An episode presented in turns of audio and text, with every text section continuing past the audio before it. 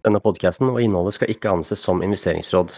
Hensikten med podkasten er å bidra med informasjon om finansmarkedene og selskaper. Podkastvertene er selvlærte hobbyinvestorer og ikke finansielle rådgivere. Informasjonen som gis i podkasten utgjør kun våre personlige meninger. Hvis du legger vekt på noe du har hørt her, gjør du det på egen risiko. Verdipapirer som diskuteres i podkasten skal ikke forstås som en anbefaling til å kjøpe, holde eller selge nevnte verdipapir. Podkastvertene kan være direkte eller indirekte eksponert mot verdipapiret som diskuteres. Velkommen til Stockup, en podkast om eh, finansmarkedene og aksjer. Eh, mitt navn er Kenneth, og med meg har jeg Faruk. Og den episoden vi skal ha i dag, den har vi gleda oss ganske lenge til. Eh, vi skal snakke om utbyttearistokrater. Det er en, en, et sett med selskaper som har økt utbytte over veldig lang tid, og som fortsatt kan kanskje tenkes å ha gode, gode vekstutsikter foran seg som kan være eh, gode og stabile eh, posisjoner å ha i porteføljen. Eh, men først så vil vi bare takke for den gode tilbakemeldinga på, på, episoden til Kålbein. Forrige episode om, om, som heter råvarebonanza, hvor jeg var innom veldig mange forskjellige råvarer. og og var veldig spennende og nyttig å ha med Corban og diskutere de forskjellige råvarene på, på et overordna nivå. Der er det nok mye annet som man kan gå i dybden på seinere.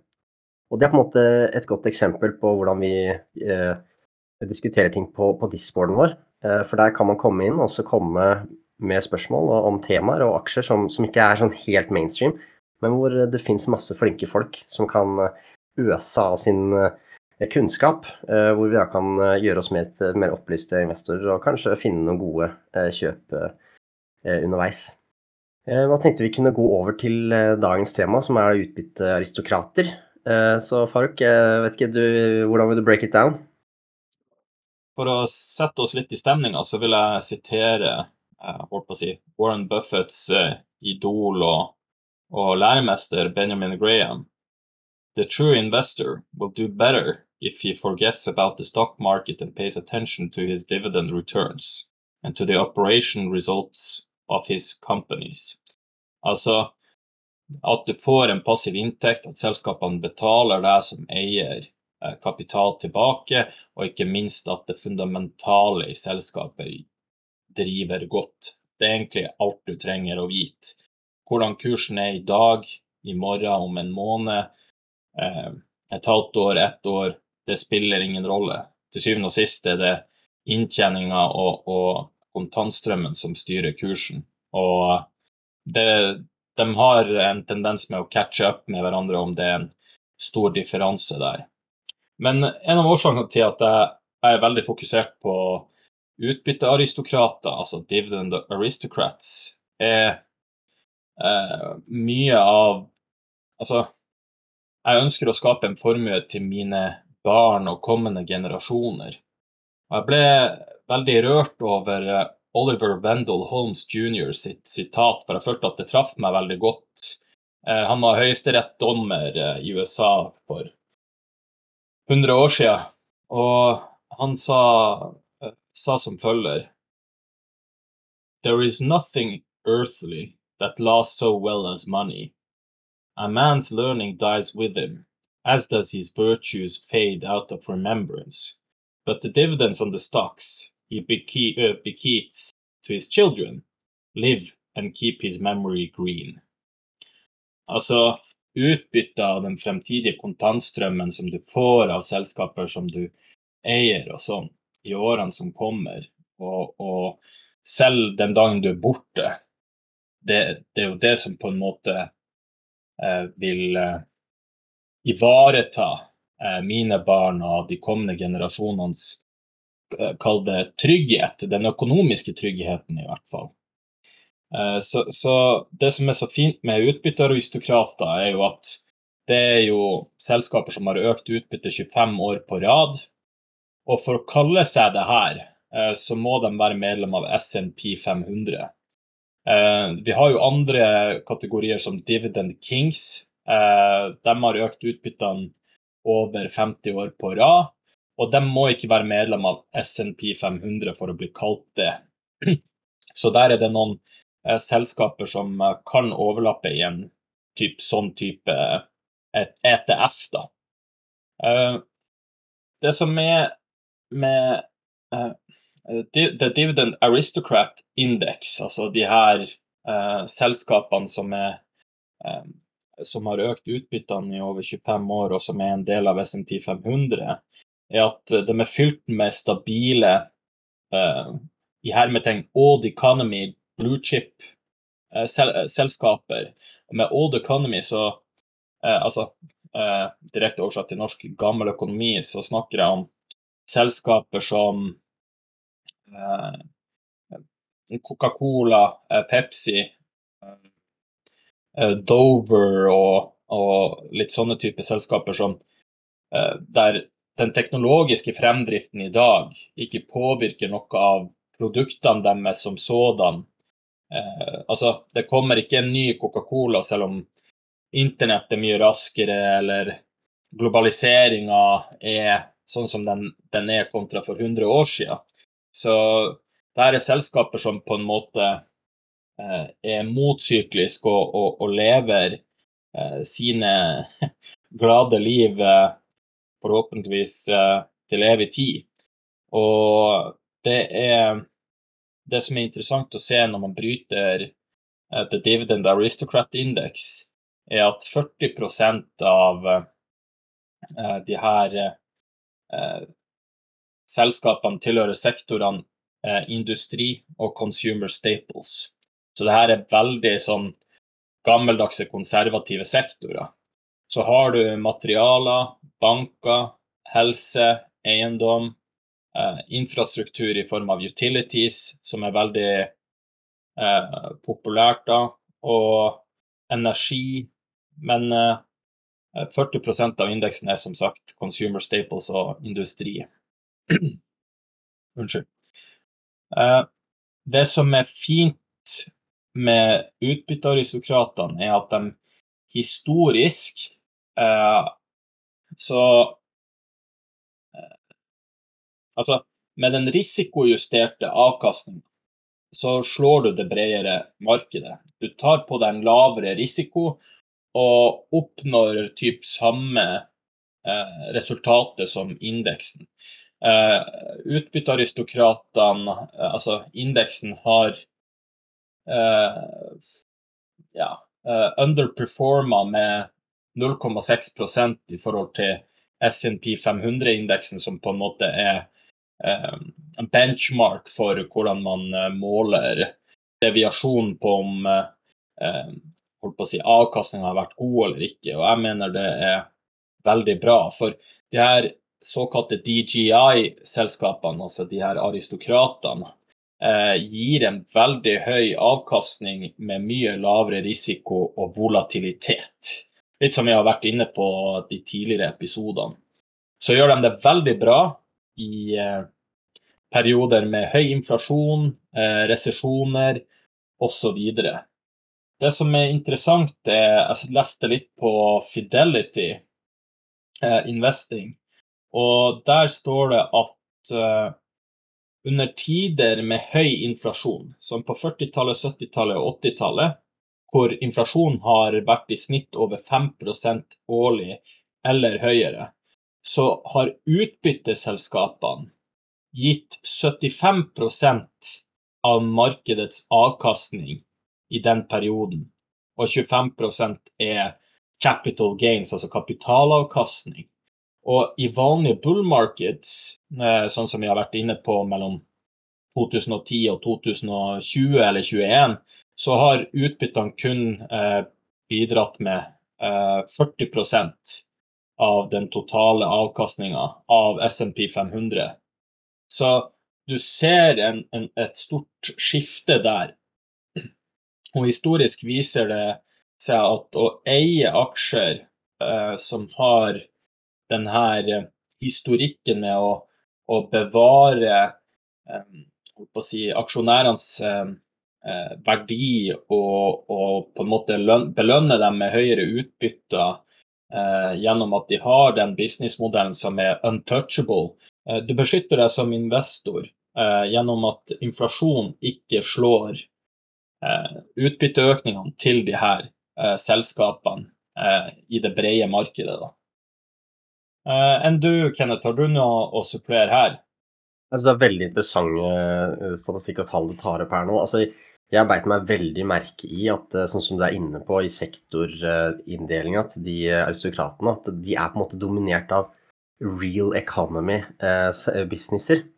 Altså, du har liksom, som du sier, industri, konsum, konsument defensive, ikke sant. Der begge de to er til sammen 40% og så er det 10% helse, 11% finans og 12 materialer, og alle de er på en måte helt kritisk for, for en vanlig, vanlig økonomi. Altså sånn, også selvfølgelig kan du legge det opp på teknologi og, og, og energi og, og, kommunikasjon og sånn, men, men, også mer diskresjonære ting. Eh, men de vil svinge mye mer liksom over tid, da. Eh, fordi de er mye mer utsatt for, mot kredittsykkelen, mens eh, sånn som industri og, og um, de konsumentselskapene, de følger jo egentlig eh, befolkningsutviklingen ganske tett. Og vi har jo hatt en voldsom befolkningsvekst de siste liksom, ja, 50-60-70 åra. Eh, så det er veldig interessant å, å se. Eh, og særlig også dette med ja, det som du er inne på med, med å slå inflasjon og sånn. Eh, de har jo da ofte gode, gode muligheter til å, å både, både, vokse i volum og i, i pris, på en måte, eh, som gjør, det i stand til, da, hvis de drives eh, skikkelig, eh, til å gjøre det godt over tid for, for aksjonærene. Det kommer vi kanskje litt mer tilbake til.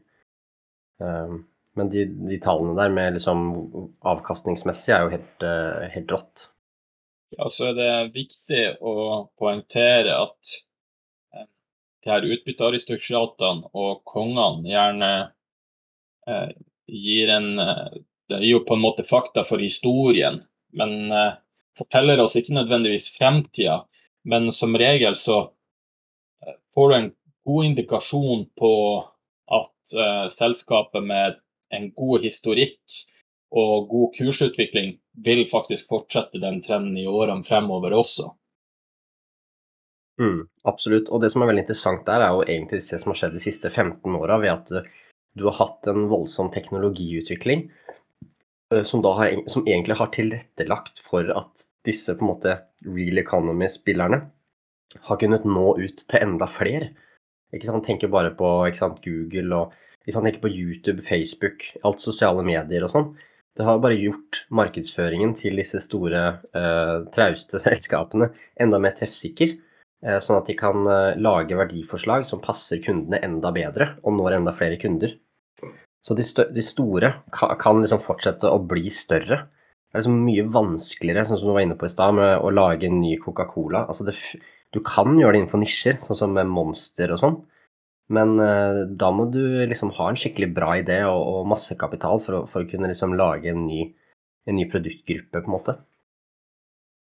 Ja, og så må du ikke glemme at Coca-Cola har uh, en eierandel i Monster også. Jeg vet ikke hvor stor den er, jeg husker ikke det i farta, men uh, Coca-Cola har en eierandel i Monster. Stemmer, stemmer. Hm. Ja. Uh, skal vi se Har du Har vi noen utbyttearistokrater i Norge? Hva er det nærmeste vi kommer, egentlig? Hm. Godt spørsmål. Det har jeg faktisk ikke sjekka. uh, Hva kan det være? Jeg ser den eneste uh, meg bekjent er faktisk uh, Altså, Borregaard er den nærmeste som fra sin IPO har økt Altså børsnotering har økt sine utbytter hvert eneste år. Og det, jeg tror track recorden er 13 år, så det er enda 12 år til. Men der, der, der viser man liksom den sykliske delen med, med Oslo Børs, da. Så det er jo eh, de her utbyttearistokratene og kongene er veldig utprega i USA eh, som regel pga. Ja, det er verdens største økonomi, og, og det er de globaliserte selskapene som på en måte er der. Mm. Ja, ikke sant. Jeg klarer ikke å finne det. Mm. Nei, jeg, jeg, jeg, tror ikke vi har noen her i Norge, eh, dessverre. Eh, men eh, det er derfor eh, jeg sier at uh, veldig mange må søke seg til USA, Canada, uh, Storbritannia, Sveits, Danmark for å finne sånne holdt på å si, utbyttebautaer. Mm. Ja. Nei, det eneste et håp kan være, som du sier, Borregaard, og så kanskje Tomra etter hvert. Ja, forhåpentligvis. Forhåpentligvis. Eh, Nå sier jeg ikke at eh, utbytteaksjene i, i, eh, er representert på, på Oslo Børs er dårlig, men de øker jo ikke utbyttene hvert eneste år. Det, du, det svinger veldig. Eh, det som jeg har også sett, er eh, av utbytteraristokrater, så er den med høyest eh, direkteavkastning, altså yield, det er Walgreens med 7,6 Og den med eh, lengst track record, altså antall år med økte utbytter, det er Dover Corporation med 68 år på rad. Det er helt enormt. 1,4% gilder den, og er innenfor sektoren industri. Og den med best eh, dividend average growth rate er Lows de siste fem årene, riktignok, med 18 eh, utbytteøkning de siste fem årene. Og så kommer vi til noe som kanskje er spennende for eh, lytterne, da. Alle søker jo til de her nye eh, tech-selskapene for masse capital gains, for det er jo liksom det som er litt artig, og det er det som beveger porteføljen. Men eh, de to selskapene med best kapitalavkastning som går under eh, holdt på å si branded dividend aristocrat, det er Newcore Corporation med 199% avkastning. Det er jo helt insane. 40% årlig avkastning de siste fem årene. Det, det, er veldig, det er veldig fint, for å si det sånn. Og så har du West Pharmaceutical Services på 242% avkastning de siste fem årene. Hva syns du om de, de kapitalavkastningene der, Kenneth? Solid? Ja, det, det er solid, ja. Dette er selskaper som har delt ut utbytte lenge, ikke sant? Ja, og, og, og, og jeg må ærlig innrømme at det, det kom litt sånn uforventa. Jeg, jeg, har ikke lest på dem eller hørt om dem eller eh, og på å si, satt meg i dem, selv om jeg leser veldig mye sånn om de her utbytteaksjene. Men det jeg kan kort si om de her to selskapene, er at Nucor Corporation er USAs største stålprodusent. De driver også og resirkulerer eh, stål gjennom si, skraphauger og sånn.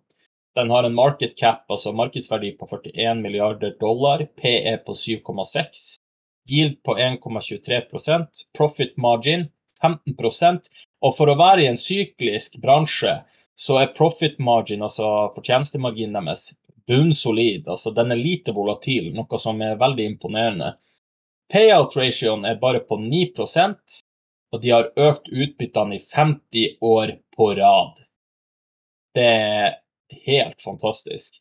Uh, Daygar, altså dividend average growth rate, de siste fem årene er 6,1% Så du, du, har holdt på å si uh, andre selskaper som, som leverer uh, høyere enn det, men likevel til å være et selskap som har økt utbyttene hvert år i 50 år på rad, så er det imponerende. Så har jeg litt sånn eh, eh, jeg, jeg, har ikke satt meg i dybden på West, eh, West, Pharmaceutical Services, som har gitt 242% avkastning de siste fem årene. Men det, den går inn sektor helse. De lager medisinsk utstyr og leverer tjenester. Den har en markedsverdi på 29 milliarder dollar. Og så kommer vi til PE. P-en er på 57. Det er høyt. Nå har ikke jeg sett hva EPS-veksten deres er, men eh, jeg så forward P var 52, så den er ganske dyr. Den har en eh, yield på 0,2% altså nesten ingenting. Profit margin er 18% og den også svinger veldig lite, så den er ganske stabil. Payout ratioen er på 10% og den har økt utbyttene i 30 år på rad, og har en dividend average growth rate for de siste fem årene på 4,8% Igjen, ganske solide, to solide selskaper som kanskje eh, vil funke som en inspirasjon for folk og, og lytterne til å se litt nærmere på de her. For eh, det ser ikke ut som at eh, outlooken på de her selskapene eh, blir noe dårligere med årene som kommer. Nei, ikke sant. Jeg syns det er veldig interessant det at Nucor greier det de har greid. For det er jo en veldig kapitalintensiv eh, businessmodell. kan jeg tenke meg. Men den vil jo kunne få kanskje litt medvind da, fra Inflation Reduction Act og de altså infrastructure-prosjektene som USA skal gjennom og sånn. Så ja, hvem veit. Ja, og, kanskje ja, og kanskje derfor er payout ration kun på 9% Jeg ser at den, eh, den pleier ikke å være over 20 uansett hvor du er på sykehjem. Så det er som du sier, at de er veldig restriktive på, på, på, kapitalen, kan man si. På å ikke mm. overspende. Ja, det tror jeg bare er helt sjukt viktig. At du har en god balanse. Uh, vi ser jo det nå, med alle de eiendomsselskapene som uh, har kommet i trøbbel. Eh, svake balanser, de blir hardt straffa. Klart. Vet du hva den høyeste gilden er på utbyttekongen, eh, eller utbyttekongene? Uh, ja. Ja, det veit jeg ikke. Det er, altså på konger, ja. Nei, det veit jeg ikke, men jeg kan se for meg at den ligger på sånn 3-4% Ikke noe sånn voldsomt høyt. Jeg trodde også det samme som deg, men nei, det er 11,06% Arbor Realty Trust. Å oh, ja. Mm. Men jeg så at uh, utbyttet var veldig sånn risky, så det kan komme kutt der også. Så det er viktig for folk å, å være uh, oppmerksom på at selv selskaper som har levert utbytter i over 60 år, 50 år, ikke sant, at de ikke er trygge. Altså, Senest i år så hadde vi VF Corporation som kutta utbyttet sitt i år grunnet høy lagerbeholdning, svak etterspørsel, press på marginer og ekstremt høy, eh, høyt eh, gjeldsbelastning, ikke sant? som ikke har hedga seg i 2020 eller noe.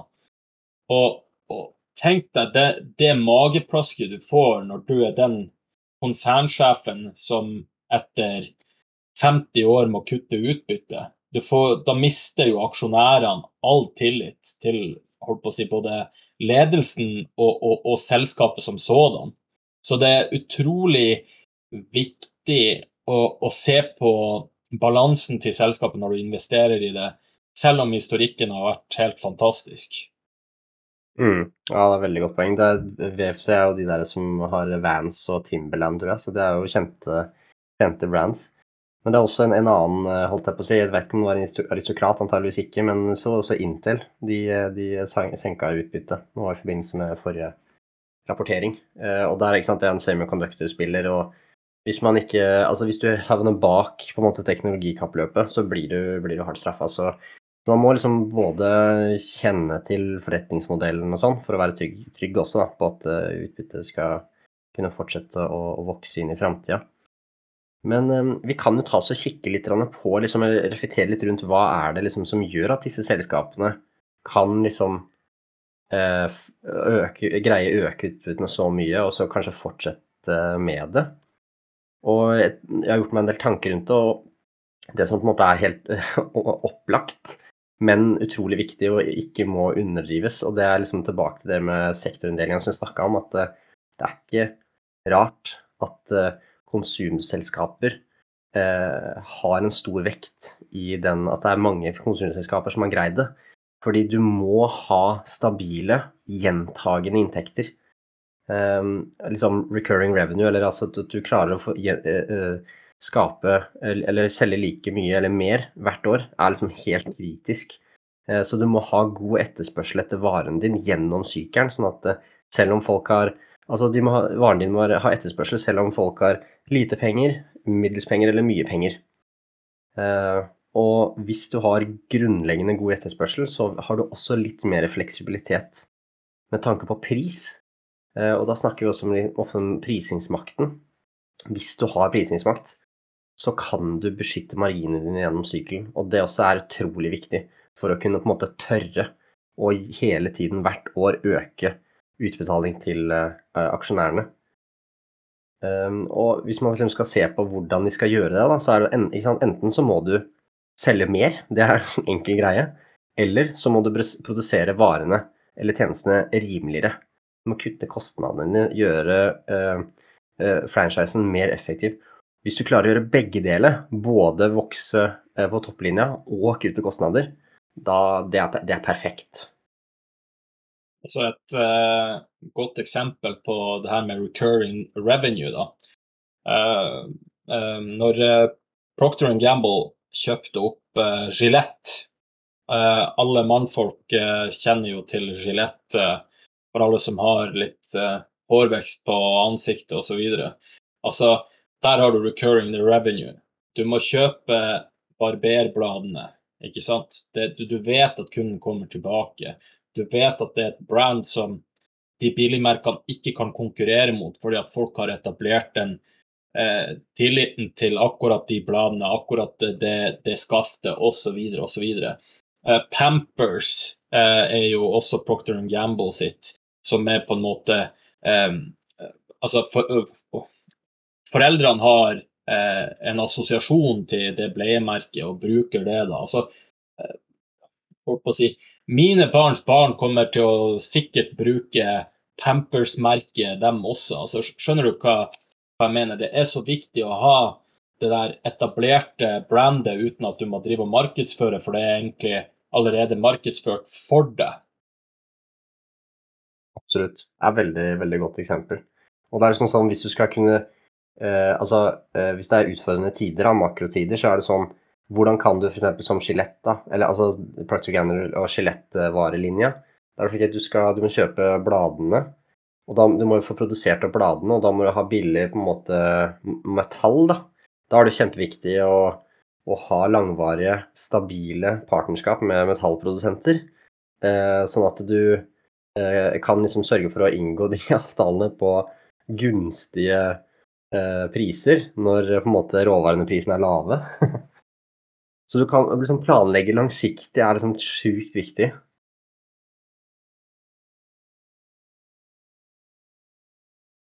Ok, skal vi se. Så kan vi se litt på um, Altså, du kan også gjøre andre ting. Uh, altså, under dette med å, å skape liksom, stabile gjentagende inntekter over tid, så er jo en, en viktig eh, del av det er å kunne ha et stort marked å vokse i. Eh, sånn at du både kan selge flere ting eller tjenester, eh, og da til flere. Så det å bli det å gå fra å være på en måte kun et lokalt selskap, altså at du har bare kundene dine i eget land, til å gå internasjonalt, det er også liksom en, en, kritisk byggestein for å liksom kunne øke inntektene dine over lang tid. Og der ser vi jo sant, de fantastiske historiene til Coca-Cola og Pepsi Sant, De har jo duopol sant, på alt av, softdrinker i, i, verden.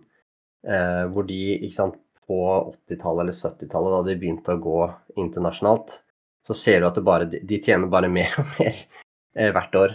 Eh, og eh, treffer flere og flere eh, forbrukere. og det kan være en sånn greie å se etter hvis du skal prøve å finne neste generasjons aristokrat. Det er å OK, se er finner du et selskap, og det selskapet har et produkt som kan skaleres opp gjennom å vokse geografisk, eh, vil de kunne greie det, så kan de ha en fantastisk veksthistorie foran seg.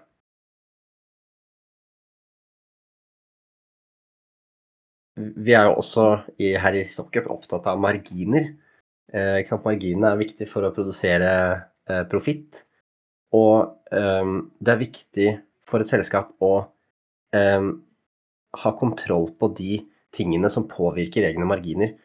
Eh, og det som er eneste som er helt sikkert, er at prisen på forskjellige ting kommer til å endre seg over tid. Prisen på gjeld vil endre seg over tid. ser vi jo nå, de siste to åra har rentene gått opp uh, firegangeren.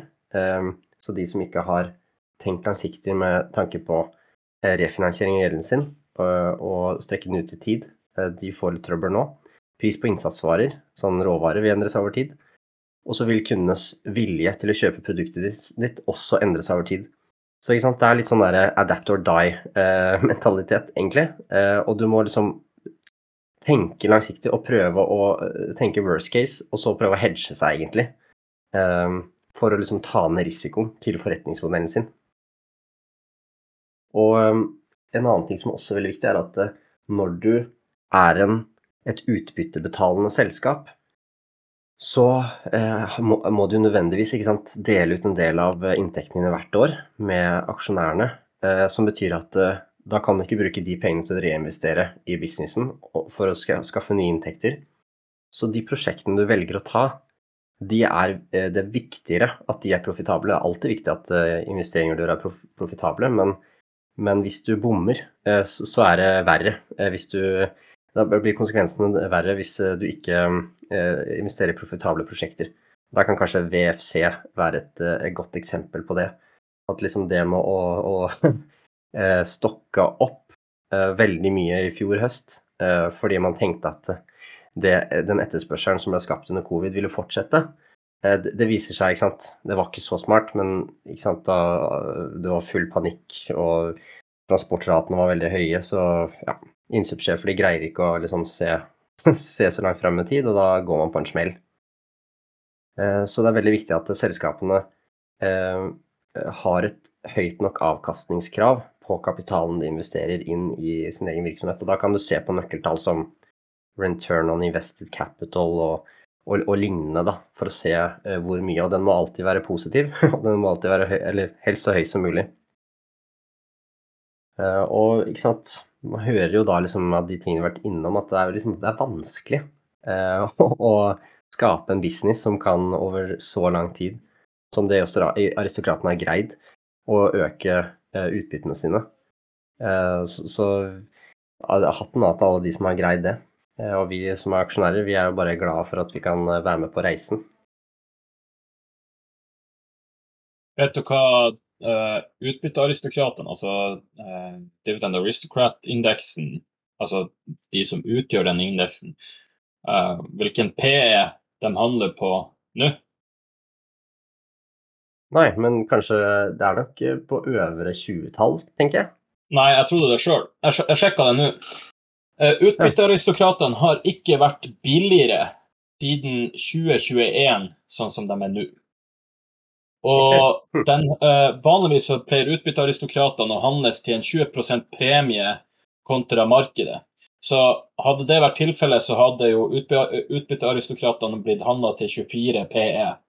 Uh, altså neste års PE. Uh, neste års inntjening, unnskyld. Men i dag så er PE Eh, på den ETF-en 18. Det er ganske interessant. Og SNP 500 ligger nesten på 21. Huh. Men, men ja, det er viktig å poeng, po, po, poengtere at uh, The Dividend Aristocrat Index står kun for 20% av SNP 500. Ja, ikke sant. Mm. Og det, ja, det, er, man ser, det, man ser, er egentlig at de her DGI selskapene, med noen unntak, Newcore, uh, West Pharmaceutical Services, um, Caterpillar og sånn, som har virkelig dundra av gårde, uh, samt noen energiselskaper, er at uh, de er flatt fra i fjor, når alle rømte til safe havens. Sant? Så mm. det, det, er veldig interessant å se utviklinga på altså, de her Mag 7 som man ikke kan unngå, som har dratt indeksen veldig høyt opp. Så det er masse verdi der ute man kan finne. Og spesielt når det er usikre Altså u, usikre tider fremover, så, så, er det her eh, en gruppe med selskaper man eh, holdt på å si eh, ikke skal eh, kvie seg for å investere i. Mm. Nei, ikke sant. Og jeg tenker altså uh, av de uh, flinke finansfolka som jeg følger, så det virker som det er ganske unisont at liksom, en viss andel av porteføljen bør kanskje være liksom, stabile, utbyttebetalende selskaper. Og da er liksom disse aristokratene er noe av de beste. Uh, stedene å se etter uh, sånn type eksponering. Men, men sant, problemet her er uh, for veldig mange av og til holdt på å si, sliter jeg sjøl med det. Vi, vi, mennesker vi vil ha Vi krever avkastning på sekundet. Med en gang du har dytta inn penger i et selskap på børs som fôrer deg med masse info, så forventer du åh, nå skal jeg se kapitalavkastning med én en eneste gang. Det som er litt med de her DGI, eh, altså Dividend Growth Investing-selskapene, er at det er på en måte her du blir rik sakte. Det her er for å lage en passiv inntekt. Det her er ikke, altså det her er ikke selskaper man trader. Er du enig i, i, i den holdt på å si, refleksjonen? Helt, helt, klart. helt klart. De er mer på en måte kapitalpreservering. Altså at liksom, den kapitalen du har, den, den, den beholder du minst. Og så får du garantert noe avkastning. Eller garantert, garantert, men altså høy, høy sannsynlig. Uh, enig. Det er ikke så høye svingninger. Da må det skje et eller annet veldig dramatisk. Så kan du få reprising ganske fort i mange av de, eller i noen av navnene. Men uh, det er ikke noe man liksom kan investere i på, på bakgrunn av sånn egentlig. Dette er, dette er litt sånn set it and forget it-stemning. Nettopp. Nettopp. Og eh, jeg holdt på å si Jeg, jeg sjøl Når jeg ser på de her selskapene eh, sånn nå i, i, i, disse tider. Jeg er veldig opptatt av EPS-vekst, eh, det vet jo lytterne og de som eh, følger oss på Discord. Vi er opptatt av topplinja og bunnlinja egentlig øker, samt at gjelda er eh, holdt på å si sunn, da. At regnskapet er bra. Og det som er med de her selskapene som betaler utbytte, at det, det er så høy terskel for at de skal kutte utbytte, at, at eh, holdt på å si, det, det, det, er som en sykdom. Det er litt sånn som når jeg skal på butikken i Spania. Du, du, ledelsen kommer til å gjøre alt de kan for å ivareta sin status som en aristokrat. Se på 3M.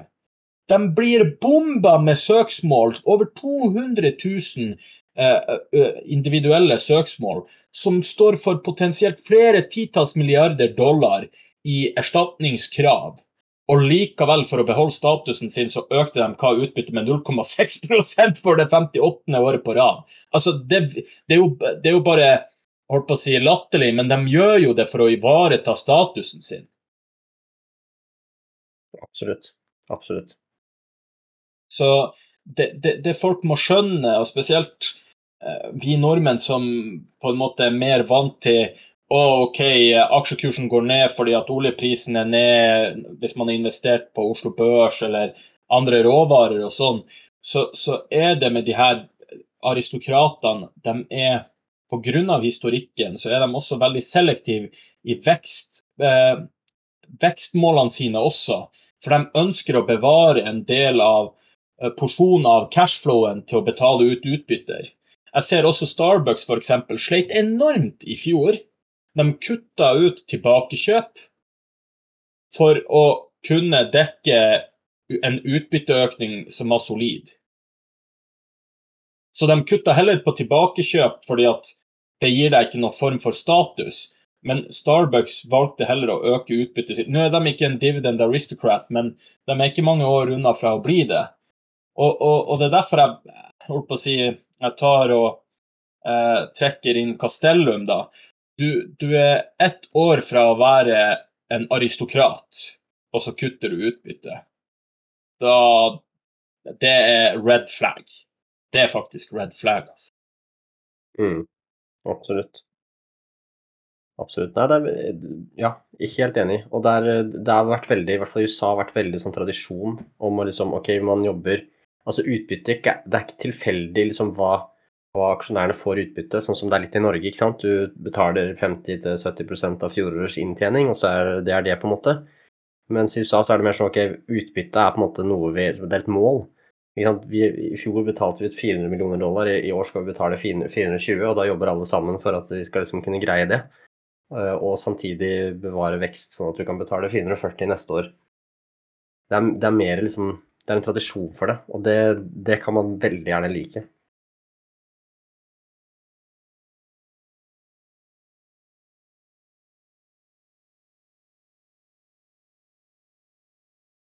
Um, og ikke sant, Vi har snakka en del om aristokrater og sånn, og vi kommer litt inn på også uh, uh, selskaper som har uh, økt 20, 25 år pluss utafor USA også. Men jeg tenkte bare ta et par ord om, om de, holdt jeg på å si, de lavere kategoriene. Ehm, det fins en liste som ligger ut, åpen ute på nettet, som vi tenkte å gi, linke til i, i show notes. Uh, til eh, CCC-lista, som står for eh, Challengers, Contenders og Champions. Og sant, Champions er det samme som aristokrater, de som har delt ut 25 år pluss. Men det som er interessant, er contenders og challengers. Contenders det er da selskaper som har økt utbytte mer enn uh, altså ti år eller mer. Og challengers er de som har økt utbytte fra fem til ni år. Der har du de liksom yngre utbytteutbetalende selskapene. Og blant contenders så har du uh, selskaper som f.eks. Apple, Domino's Pizza, Texas Instruments, Tractor Supply, sånne ting. Og de, det er jo selskaper som man uh, kjenner godt til, og de har, har, fortsatt på en måte grei vekst, så de har ganske bra uh, årlig uh, utbyttevekst. Apple prioriterer for så vidt uh, buybacks mer, da, men etter hvert så kommer sikkert de til å øke utbyttene mer når de blir enda mer modne. Og når det kommer til den aller yngste gruppa, som er challengers, så er det ikke sant, selskaper som er enda, enda yngre, som begynte med utbytte for ikke så veldig lenge siden. der har du et par selskaper som jeg beit å merke. Lam Research, som er et sånt semiconductor-selskap, og så Wingstop, som er et sånt der konsumselskap med fokus på kylling. Ligner på en sånn early versjon av McDonald's. Eh, eller Chipotle. Og der, her kan man finne inspirasjon og ideer. Eh, det som er viktig her, er jo det at eh, når du kun har track record 5 til 9 eller 10-15 år, så veit du ikke helt om de vil fortsette å greie det i liksom 15-20 år til. Så der må man gjøre en enda bedre analyse over markedsmulighetene og hvordan det driver, hvordan de satser. Men der kan man definitivt eh, finne gode ideer til, til å finne neste, altså morgendagens aristokrater. Men også, også viktig å ha i bakhodet at det er veldig mange som ligger på 15 år. Og hvorfor det? Eh, det er, det er vel omtrent da altså, så lenge siden det var finanskrise. Ne nemlig. Free money. ne nemlig. Så, så, så, det er viktig å, å, ikke bare se på de 15 årene som sådan, at det har vært en gullalder der. For det her er gjerne selskaper som har kutta utbytte helt, eller starta fra scratch i 2008 fordi at uh, de sleit under finanskrisa, som ikke nødvendigvis er resesjonssikker. Veldig mange banker og forsikringsselskaper som går under, under, den lista. Så det er viktig å ha det i bakhodet også. Eh, det var bare for å skyte litt inn der, Kenneth. Mm, jeg er helt enig, det er et kjempeviktig poeng. Eh, og det er noe av det første du bør sjekke. Eh, for at hvis de Altså, ja, OK, banker, det er litt sånn Noen av de ble jo nekta å betale et utbytte, selv om de kanskje kunne greid det. Så, men hvis det er liksom, de har kutta frivillig, så er det et red flag. Altså, hvis du liksom ser at eh, ok, de kunne faktisk ha greid å betale utbytte allikevel, eh, og at de på en måte har tatt det igjen ved å øke utbyttet mer etter finanskrisen, så sure, da kanskje det kan, kan være ok. Men uh, jeg ville sett veldig på hvor mye, eller hvor viktig gjeld er i, i kapitalstrukturen til det, de selskapene. Fordi gjeldet har vært veldig billig de siste 15 åra. Og uh, ja, jeg tror de selskapene som har uh, større cashbeholdning og, og lavere gjeldsgrad eh, er de som kommer til å gjøre det best eh, fremover, da. Litt avhengig av eh, selvfølgelig hva slags hva du selger, på en måte. Men ja. Og altså, jeg tror, jeg tror det mange, innenfor mange bransjer nå så blir det på en måte 'live within your cash flow', tror jeg blir viktig. Fordi det er ikke attraktivt å låne eh, penger på 8-9-10% rente. Det er vanskelig å generere eh, return over det, med mindre du har en veldig ettertrakta produkt eller god forretningsmodell. Men nå sier du 8-9% Det er gjerne for uh, selskaper med god kredittvurdering på SNP 500 som får de betingelsene der i dag. De Russell 2000, jeg mener at jeg leste en oversikt, har i snitt en rente på 13-15% Det er eh, ja, helt vanvittig, for å si det sånn. Det er så sykt høyt for eh, vekstselskaper at eh, Russell 2000-indeksen hadde holdt meg unna eh, før rentene eh, kommer litt mer ned på nøkterne nivå. Mm. Ja, for de selskapene som ikke har kredittretning, så er det, ja, det er røft der ute. det er det, vet du. Kult, men vi har eh, litt sånn, eh, hva skal vi si, eh, utenlandske, eller altså ikke bare amerikanske selskaper som også deler ut utbytte. Eller hadde du sett på litt forskjellige forhold? Ja, i, i Canada så har vi tolv selskaper som kan kalle seg aristokrater. Og Der er også sektorene industri, consumer defensives og utilities er liksom de sektorene som er overrepresentert der. Og jeg tenkte å nevne en veldig populær DGI-aksje der. Eh, den med høyest yield også. Enbridge med 7,4 yield. Det er en utility-aksje. Og så den med lengst streak, Canadian Utilities, med 51 år med økte utbytter. En eh, fantastisk flott eh, cash, cash cow, for å si det sånn. Og så har vi noen andre utbyttegiganter i Europa. Koloplast, CRH i, i London, Diageo, eh, Unilever, Nestlé, Novartis, Lint Sprungli, altså den sjokoladeprodusenten fra Sveits, Novo Nordisk og Novozymes, som vi har vært eh, inne på på selskapsanalysenivå eh, tidligere i podkasten. Så vi har hatt noen artige utbytteøkninger i august. Murphy USA økte utbyttet med 2,6 for dette kvartalet. De øker hvert kvartal holdt på å si, Q-rapporten har ikke noe å skryte av, men uh, de fortsetter med både buybacks og øke utbyttet, selv om det var noe beskjedent. Men jeg tror til neste kvartal så kan vi se faktisk tosifra prosentøkning. økning. Intuit økte utbyttet med 15,3 NetEase økte utbyttet med 12,9% Dillards økte utbyttet med 25% og to banker som er ganske populære for DJI-investorer. Toronto Dominion Bank økte utbyttet med 2,26% og Royal Bank of Canada økte med 2,31% Så har vi en kjent traver på Oslo Børs som er kjempepopulær for de som liker shipping. Frontline økte jo utbyttet sitt med 14,3% som er veldig, veldig fine eh, holdt på å si, utbytteøkninger da, for de som sitter på dem. Og det er veldig Ja, det er sterkt at de gjør det på en måte nå, selv om det er eh, tøffe tider. Ja, absolutt. Definitivt. Jeg tror de har låst noen av eh, tank, tankeratekontraktene er jo låst jeg tror til neste år eller 2025, så de har ganske stabilt med cashflow eh, nå eh, også, uten at jeg kjenner tanksektoren eh, noe særlig godt, altså. Nettopp. Ja, det er jo han Fredriksen, ikke sant? Han er en uh, savvy businessmann. Ja, en gammel ringrev som uh, holdt på å si Det er ikke uten grunn at han er holdt på å si hermetegn Norges rikeste mann. Han holder jo til på, på Kypros, han er skattenøytral her i hvert fall. Mm. Så. Er, no, er, det noe mer uh, å, å, legge til, uh, Kenneth? Eller uh, Vi har jo dekka veldig mye, egentlig. Ja, vi har jo det. Jeg tenker at liksom, mange av de selvfølgelig, altså Man må alltid gjøre undersøkelser av det man ønsker å investere i, ikke bare liksom gå på høy yield eller, eller andre ting. Men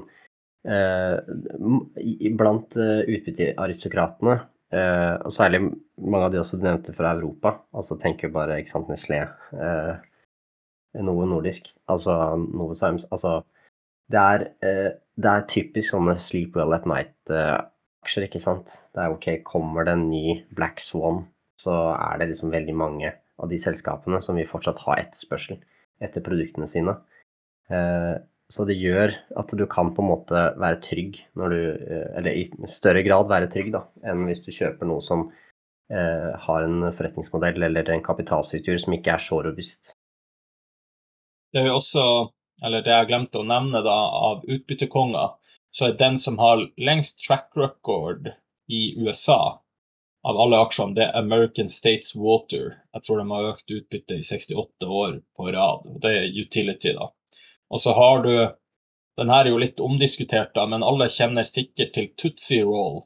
Altså det er sånn eh, sjokolade-toffee-produsent som eh, alle har sikkert sett uh, Seinfeld eller The Big Bang Theory og, og sett de her sjokoladebarene fly rundt med TV-seriekarakterene. Og de har også samme track record som American States Water, men eh, holdt på å si eh, det er hvis du inkluderer special dividends, altså ekstraordinære utbytter eh, for enkelte år der de ikke økte den, det ordinære utbyttet, men eh, plussa på da special dividends. Så det er også eh, et selskap som leverer veldig, veldig bra og har gode marginer. Så fint å, å, å se på dem også.